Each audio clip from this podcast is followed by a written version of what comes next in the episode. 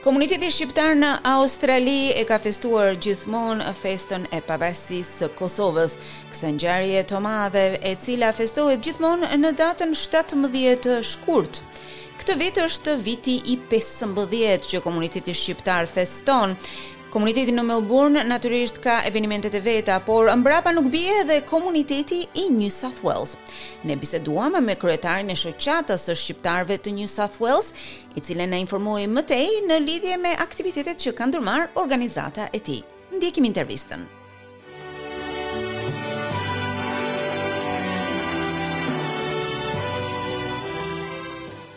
Atëherë të dashur dëgjues në linjën telefonike kemi zotin Elmaz Berisha i cili është kryetar i shoqatës së shqiptarëve të New South Wales.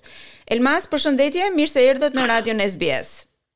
Përshëndetje Melinda, ju përshëndes juve dhe stafin e juj, jeni të mrekullueshëm dhe ne krenohemi me juve që po na informoni këto informata pa pa lodhur. Të faleminderit, shumë faleminderit Elmaz. Së pari, ë shoqata juaj ka kohë që funksionon apo jo? Sa sa vite keni që punoni?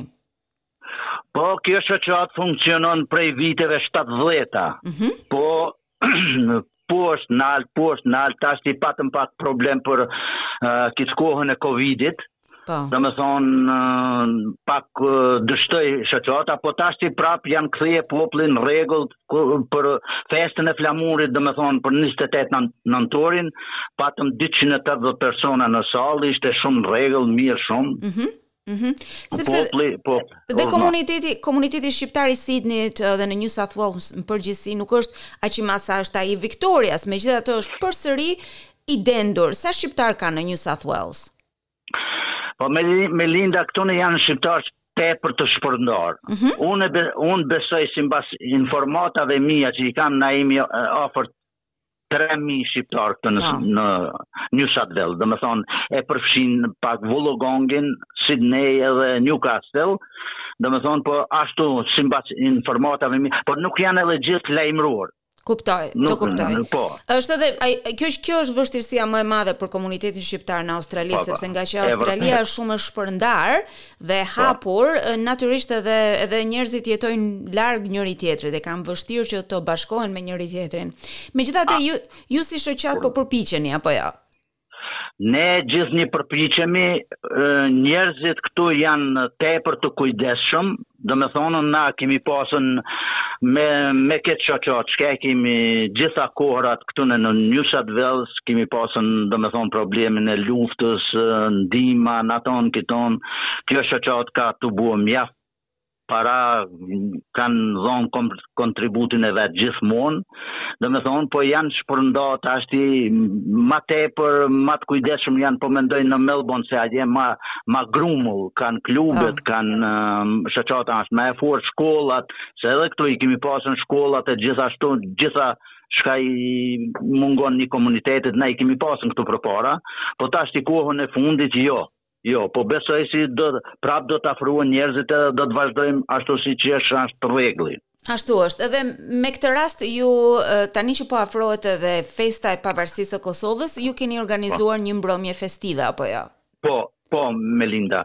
Ne e kemi organizuar ta festojmë 15 vjetorin e pavarësisë së Kosovës ditën e shtunë me 18 shkurt domethënë dera do të hapet prej 6.30 PM, domethënë deri mas mesnate, mm -hmm. uh, sala është reception hall, uh, ushqimi është unlimited, buffet, domethënë mhm mund njerëzit m'u shërbye sa ta kenë qefin, ka lloj-lloj ushqimesh, shumë në rregull është. Edhe muzika, domethënë kësi heri do të jemi shumë të pasun edhe me muzikën. Kush është? Po, si, mm -hmm. janë Bitania, uh, grupi muzikor nga Kosova, tre persona janë prej andej, është Burim Demiri me grupin e tina, kurse edhe këtu në Sydney kemi artistin tonë uh, uh, Orget Sadikun nga Shkodra me saksofon është mjaft, mjaft i, i, i mirë. Besoj se do të kalojmë një natë shumë të bukur. Absolutisht që po, është një mbrëmje që mendoj nuk do të harrohet asnjëherë. Absolutisht, besojmë edhe na që ta, ta, ta shikojmë, vetëm se kisha me ju lutë gjithë bashkëkombësit tonë që të lajmërohen me kohë. Nëse e ndigjojnë këtë radioprogram, që të lajmërohen sa ma para, ma mirë asht edhe për neve, edhe për ato, t'jau rezervojmë venet që mos të kemi probleme ditën e fundit. Absolutisht. Atëherë unë të falënderoj jashtëzakonisht për kohën dhe për minutat që na dhe Elmaz, ju uroj suksese juve dhe të gjithë shoqatës për punën e palodhur që bëni në drejtim të zhvillimit të komunitetit shqiptar në New South Wales.